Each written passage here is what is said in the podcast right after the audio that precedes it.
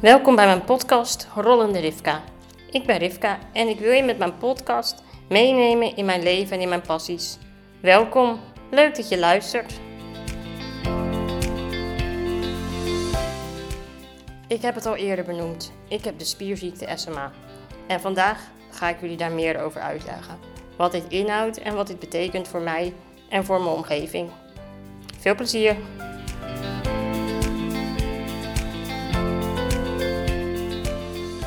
Hoe rolde afgelopen week?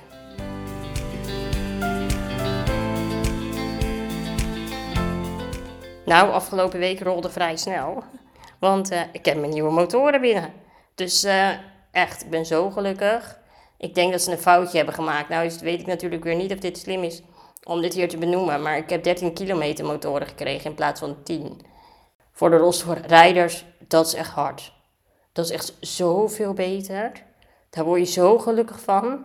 Dus ja, ik ben echt helemaal blij. Want ik kan bijna op twee wielen nu door de bocht. Tuurlijk, mensen, ik kijk uit en zo. Maar oh, het is zo fijn dat je gewoon, als je een keer even extra hard moet, dat je nog een beetje gas kan bijgeven. En um, deze week ben ik in het ziekenhuis geweest, afgelopen week, voor uh, het testen of mijn medicijnen nog, uh, of mijn medicijnen voldoende werken. Nou, de uitkomsten waren niet negatief, dus dat is heel erg fijn. En ik heb les gegeven op de Airport College in Hoofddorp. Superleuk. Ik heb daar studenten verteld over wat het inhoudt om te vliegen met een rolstoel en met een beperking zoals ik heb. En dat is toch wel heel erg tof om die jongeren daar wat meer inzicht in te geven. En ook dat ze voorzichtig moeten omgaan met rolstoelen en hulpmiddelen. Dus dat was een hele leuke dag. En ik heb nog iets heel engs gedaan. Ik had zeg maar bedacht dat het leuk is. Nou, ik wil eigenlijk. Ik ben altijd jaloers op die vrouwen van Real Housewives of Beverly Hills. Want dat, daar zit altijd alles netjes en make-up en zo zit altijd goed. Nou, ik heb zelf de ambitie niet dat ik dat kan. Mijn haar ziet er ook nooit zo uit. Maar bij sommige dingen denk je wel eens, wat kan ik niet dingen wat makkelijker maken? Dus nou had ik bedacht dat ik uh, permanente make-up wilde. En mijn wenkbrauwen is geen optie, want ik heb blond haar. Dus dan moet ik nog steeds mijn wenkbrauwen verven. Vind ik zonde van het geld. Maar wel een lijntje boven en onder je ogen. Dus dat heb ik laten zetten. Ja, heel mooi. Maar ik heb mij zeg maar niet echt verdiept in hoe pijnlijk tatoeëren was. Ook niet op je ooglid. Um, ja, het was het waard. Maar ik rijd dus nu een week zonder make-up rond, want mijn wonden moeten genezen. Ja, ik denk dat ze me nog wel kunnen herinneren in de salon waar ik geweest ben, want ik heb wel geluid gemaakt, zeg maar. Uh, maar uh, nou, het zit en het zit wel goed. En het is mooi en ik mag uh, volgende, over vijf weken moet ik het laten bijwerken. Dus dan kunnen ze weer even mij tatoeëren. En dan, ja, dan is het klaar. Dus ik ben er heel erg blij mee. En ik kan het wel, ondanks alle pijn, iedereen aanraden. En als laatste heb ik een hele bijzondere theatervoorstelling gezien. De velen van jullie kennen Jan Kooijman wel. En Jan Kooijman is ambassadeur van het Spierfonds. Dus ik zie Jan Kooijman in die hoedanigheid ook regelmatig. En hij staat nu in het theater met een theatershow over de danser Rudolf Nureyev.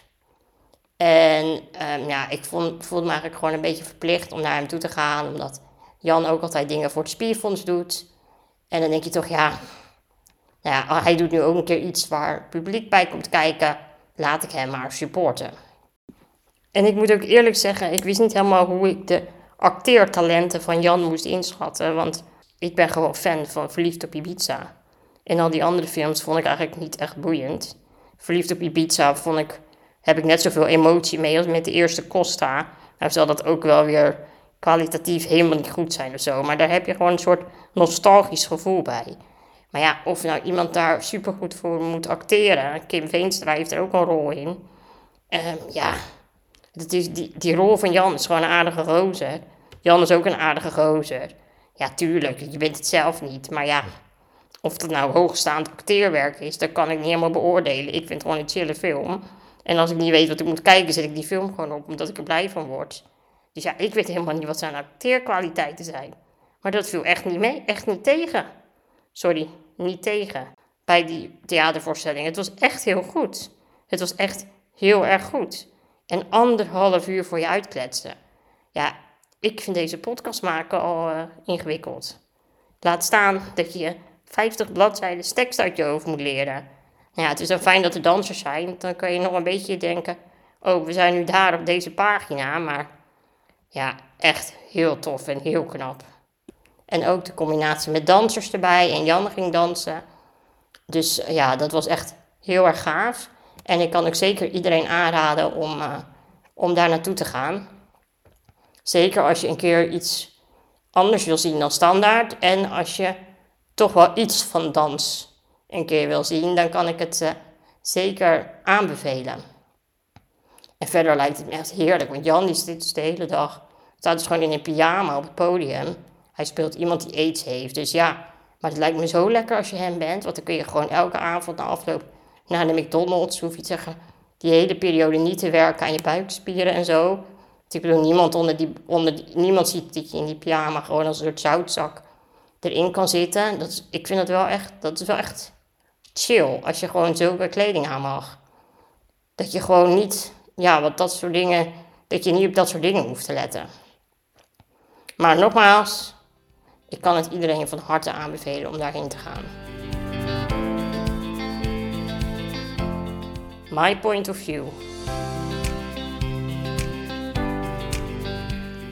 Vandaag wilde ik het gaan hebben over een ander heel belangrijk onderdeel van mijn leven. Naast possible muziek, musicals. Namelijk uh, mijn spierziekte SMA. En SMA is een erfelijke spierziekte. En hoeveel die voorkomt, dat weten we niet precies. Dat gaan we de komende jaren veel preciezer weten, omdat SMA nu in de hielprik uh, wordt getest. Uh, maar het is een zeer ernstige spierziekte en eigenlijk hoe jonger je daarmee gediagnosticeerd wordt, hoe ernstiger of hoe, schadelijker het verloop. Um, nu zijn er op dit moment medicijnen voor deze spierziekte, dus wat het verloop uh, nu is, is natuurlijk echt wel beduidend anders. Mijn ervaring is dat ik ben opgegroeid zonder medicijnen. Ik, uh, zes maanden na mijn uh, geboorte heb ik de griep gehad, daar weer van hersteld. En eigenlijk na negen maanden begonnen mijn ouders te zien dat ik um, me anders ging ontwikkelen. Dat ik mijn hoofdje niet optilde, dat ik niet graag op mijn buik wilde liggen. En als ik op mijn buik lag, dat mijn hoofd plat op, de grond, op, op bed lag of op de vloer lag. En eigenlijk zagen ze dat mijn benen steeds verder uit elkaar kwamen te liggen. Dus als je me neerlegde, dan lagen mijn knieën naar buiten als een soort kikker. En dat waren toch wel signalen dat mijn ouders het gevoel hadden dat het niet klopte. Dat signaal dat is door de, het consultatiebureau aanvankelijk niet heel serieus genomen. Want aanvankelijk dachten ze gewoon dat mijn ouders een nieuwe Ruud Gullit wilden hebben. Um, en dat mijn ouders niet zo ongeduldig moesten zijn. Maar ja, ik was hun eerste kind. Dus op dat moment denk je als ouder, nou ja, misschien hebben we het verkeerd. Maar het bleef me aan mijn moeder knagen dat het gewoon niet goed ging met mij. Ik huilde ook heel erg veel. Drinken kostte af en toe moeite. En eigenlijk ontwikkelde ik me niet lichamelijk heel veel verder. Dus uiteindelijk hebben mijn ouders uh, wel gehoor gekregen bij het uh, consultatiebureau. En ben ik uh, getest op de spierziekte SMA. En omdat ik al zo jong was, hebben mijn ouders te horen gekregen. Toen ik 51 weken oud was, dat ik maar drie jaar oud zou worden. Omdat ik ook niet kon zitten. ik kon alleen zitten in de hoeken van de bank of in de hoek van een bed. Als ik maar aan alle kanten gesteund werd, anders viel ik om. En daarmee concludeerden ze dat ik de allerergste vorm had, heb van de spierziekte SMA. En het is een erfelijke spierziekte. Dus mijn ouders zijn allebei drager. En als je twee dragers samen kinderen laat maken, is de kans 25% dat daar een kindje uit voortkomt met SMA. Toen mijn ouders dus thuis kwamen na die diagnose, gingen zij een hele zware periode in. Want naast het feit dat ik elk moment zou kunnen komen te overlijden, was mijn moeder op dat moment zwanger van mijn oudste zus.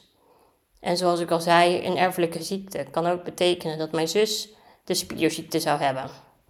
Uiteindelijk bleek dat zij het niet had, dus dat is allemaal, uh, ja, dat is allemaal goed gekomen. Maar je kunt je wel voorstellen dat mijn ouders door een rollercoaster van emoties gingen. En we zijn dan ook eigenlijk per direct vertrokken naar Schiermonnikoog.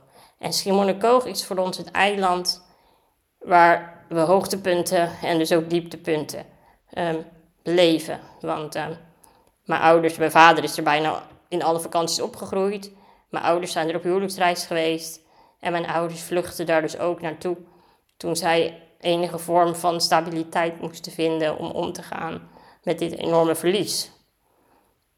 Of verlies. Het is, nou ja, wel verlies. Want eigenlijk het idee dat je altijd een gezond kind hebt, uh, dat is uh, ten einde.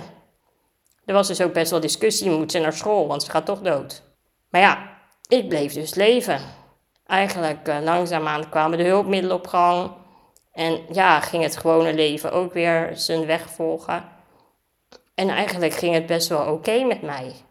Ik was wel een slap kind, maar ik ontwikkelde me cognitief heel goed. Ik kon snel spreken. Ik was heel alert, ik was heel vrolijk. Ik huilde ook wel, maar toen ik eenmaal die babyfase voorbij was, ging dat ook stukken beter. Alleen ik was ook wel heel vaak ziek. En ik had heel erg veel last van ontregelingen. Ik had een heel erg laag gewicht, want eten ging niet heel erg makkelijk. En daardoor um, heb ik heel veel in het ziekenhuis gelegen. Ik denk soms drie, vier keer per jaar met een metabole ontregeling. Ook wel in de volksmond uitdroging genoemd. En eigenlijk konden mijn ouders niks doen tegen het uitdrogen. Dat ging gewoon, dat gebeurde gewoon. Ik ervaarde stress. Dus Rivka die droogde uit. Dan gingen we weer naar het ziekenhuis. Ging ik twee dagen aan de glucose. Dan waren mijn aders kapot. Was ik weer opgekrabbeld. En dan, uh, als ik weer een eitje kon eten, dan mocht ik naar huis. En als ik uh, me niet goed bleef voelen, dan werd er gedreigd met een zonde. En ik was altijd bang voor zondevoeding. Nou ja, dus dan ging ik uiteindelijk alsnog eten. Meestal werd ik omgekocht met rauwe champignons. Want dat is mijn lekkernij, dat vind ik heerlijk. Ja, ik weet het, rauwe champignons. Uh, en dan mocht ik weer naar huis. Maar dat waren wel hele spannende tijden, want ik was soms zo uitgedroogd dat ik bijna in een coma lag. Maar ja, ik krabbelde altijd op. Dat ziekenhuis was mijn tweede thuis. Ik vond eigenlijk altijd wel gezellig om daarheen te gaan. Toen kon ik wel lekker met de Playmobil spelen. Ze hadden altijd wel wat leuks om te knutselen. Weer nieuwe spullen, nieuwe videobanden. Ik kon Mario spelen op de Nintendo. Ja, ik heb dus eigenlijk helemaal geen slechte herinnering aan het ziekenhuis. Ondanks de duizenden infusen die gesneuveld zijn, ondanks alle pijn. Ja, het ziekenhuis was mijn, mijn tweede veilige haven eigenlijk. De opnames die te maken hadden met verkoudheid, die waren wel echt wel minder prettig, omdat ik natuurlijk dan heel erg benauwd was. En dan wisten we ook niet goed of ik dat zou overleven. En ik had dat wel vrij snel door dat dat heel spannend was. Zeker als ze me moesten gaan uitzuigen. Ja, dat waren echt geen fijne opnames. En dat uitzuigen heeft me in die zin ook wel wat getraumatiseerd.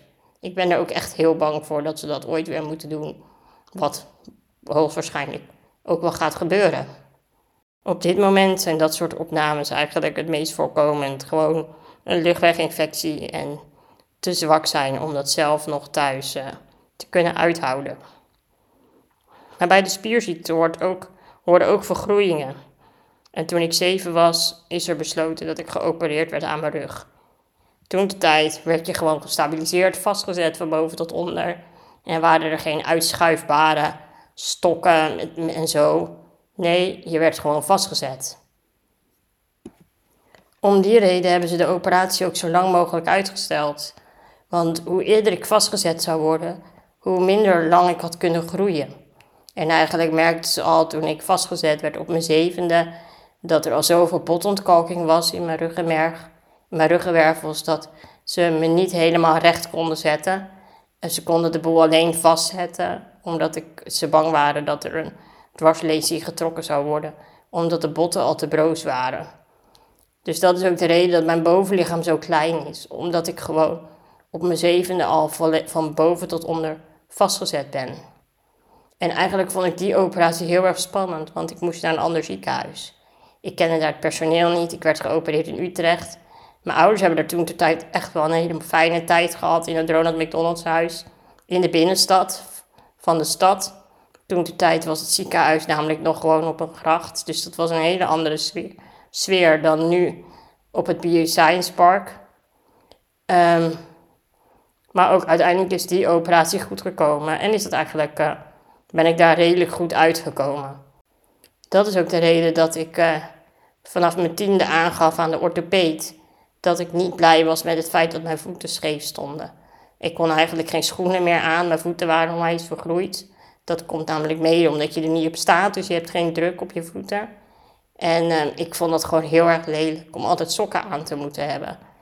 En dat kenmerkt mij denk ik ook wel een beetje. Ik vind het gewoon heel erg belangrijk om, ondanks dat je in een rolstoel zit, ondanks dat je scheef bent, dat je er toch wel verzorgd uitziet. En sokken de hele dag dragen kwam bij mij niet voor in dat um, kader. Dus um, ja, toen ik elf was, ben ik in het nieuwe WKZ, uh, wat er dan nu is, geopereerd aan mijn voeten. En ook die operatie is gewoon goed verlopen. Daar hebben ik lag een weekje in het ziekenhuis, daarna nog wat weken herstel. Maar eigenlijk is het wel zo gebleven dat ik altijd spalken moet dragen aan mijn voeten. Want mijn tenen zijn zo slap, die hangen gewoon naar beneden. Dus ik kan eigenlijk geen schoenen aantrekken. Zonder dat ik zeg maar, ja, als je schoenen aantrekt, moet je je tenen strak naar voren of omhoog houden. Um, ik kan dat niet. Dus um, omdat ik toch graag schoenen aan wil, draag ik daarom spalken. Zodat uh, mijn tenen en zo gewoon ondersteund worden, waardoor ik gewoon schoenen kan dragen. Ik vertelde al even dat ik uh, veel uh, uitdroogde vroeger. En dat had ook te maken met het feit dat ik een heel erg laag gewicht had. Eten kostte heel veel energie. Dus ja, uh, eigenlijk met een maaltijd eten ben ik al moe. Was ik, had ik alle calorieën al verbruikt met het eten van de maaltijd. Dus ja, ik heb altijd heel erg laag gewicht gehad. En uh, op mijn zestiende heeft het ziekenhuis gezegd... nu is het klaar met je eigen probeerseltjes en zo.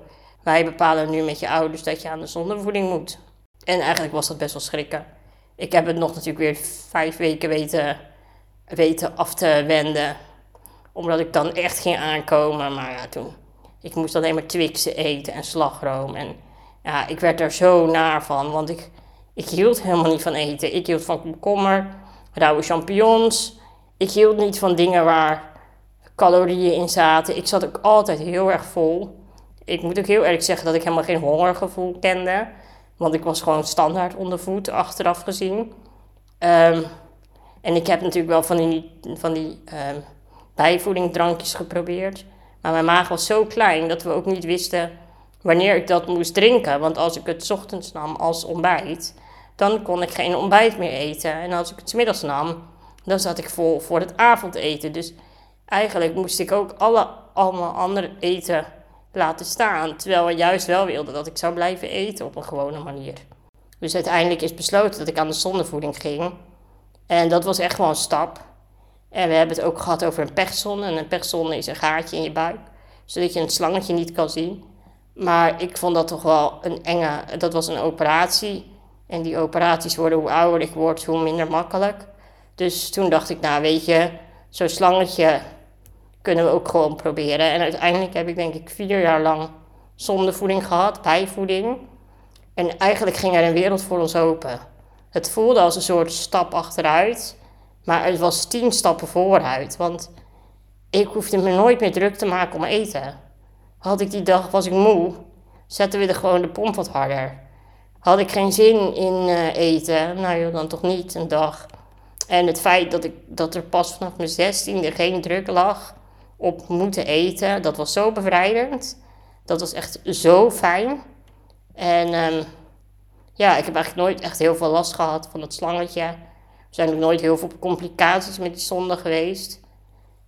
En ik denk ook wel dat als het nu zover zou moeten komen, dat ik dan toch weer zou kiezen voor de zonde. Omdat het mogelijk ook maar even tijdelijk is. Net zoals ik hem maar vier jaar gedragen heb. En wat wel grappig te vertellen is, is dat ik op een gegeven moment dus na vier jaar weer in hetzelfde ziekenhuis kwam als bij de arts die zei dat ik aan de zondevoeding moest. Die zegt, ja, we moeten het er toch eens over gaan hebben, maar je onderkin wordt te dik. um, en hij zegt, ja, op het oog zie je er gewoon gezond uit nu, dus wil je niet stoppen. Maar ik was ook veel minder ziek. En uh, achteraf gezien kreeg ik maar 50 calorieën per nacht binnen, want we hadden het heel erg afgebouwd omdat ik niet meer hoefde aan te komen. Daarnaast had ik een hongergevoel ontwikkeld. Ik kon veel meer eten. Mijn maag was opgerekt. Dus het was een veel gezondere situatie. Maar ja, toen die arts zei, ja, ik wil eigenlijk dat je ermee gaat stoppen. Dat was ook wel een ding. Want ja, het ging eigenlijk zo goed met me. Achteraf gezien had ik natuurlijk tien jaar eerder ermee moeten starten. Ehm, maar ja, we zijn dus uiteindelijk wel gewoon gestopt. En dat was ook echt heel grappig, want ik had dus altijd die zonde in mijn neus. Die was natuurlijk gewoon zichtbaar. Maar mensen zien dat dus niet meer in je omgeving. Dus ik liep toen de tijd stage en ik heb toen gewoon niet verteld dat mijn zonde weg was. Ik moet eerlijk zeggen, ik heb het ook niet aan mijn ouders verteld. Op een ochtend ben ik gewoon, werd ik verzorgd door mijn PGB'er. Die heeft de zonde eruit getrokken en ik ben gewoon naar beneden gegaan. En niemand heeft het doorgehad. Ook op mijn stage hadden ze het niet door dat ik hem eruit had. We hebben een gezinsfoto laten maken en daarvan heeft de fotograaf mijn zonde weggefotoshopt. Niemand heeft doorgehad dat die, dat die zonde er niet op stond. Ik zelf ook niet, want dat was zo'n eenheid met mijn gezicht. Dat men dat helemaal niet door had.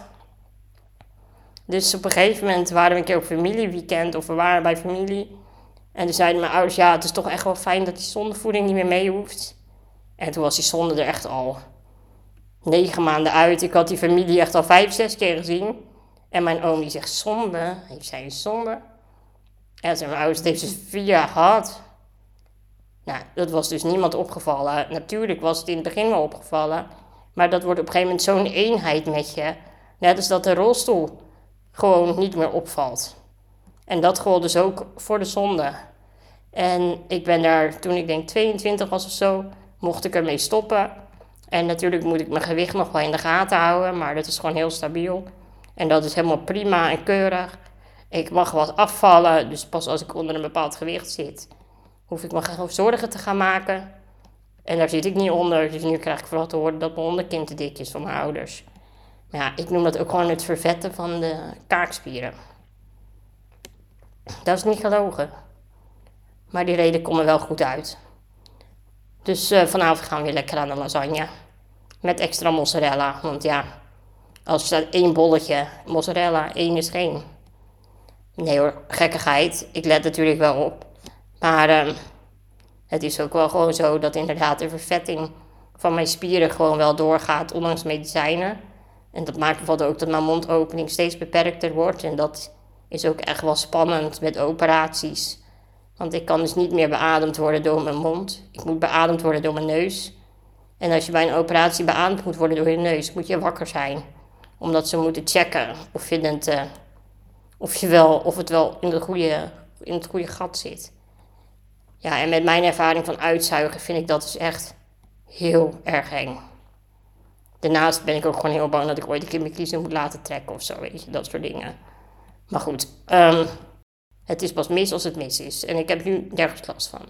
Een ander belangrijk en impactvol uh, probleem van mijn spierziekte is de afname van de kracht in de ademhalingsspieren. Ik word al vanaf mijn zesde werd ik daarop op, uh, gecontroleerd.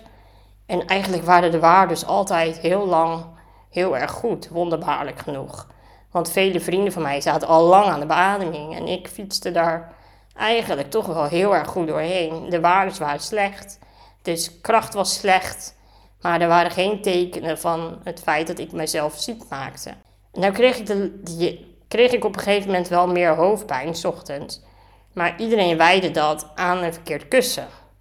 Nou ja, op een gegeven moment kwam het zo dat ik toch een keertje opgenomen moest worden om mijn, mijn ademhaling te controleren.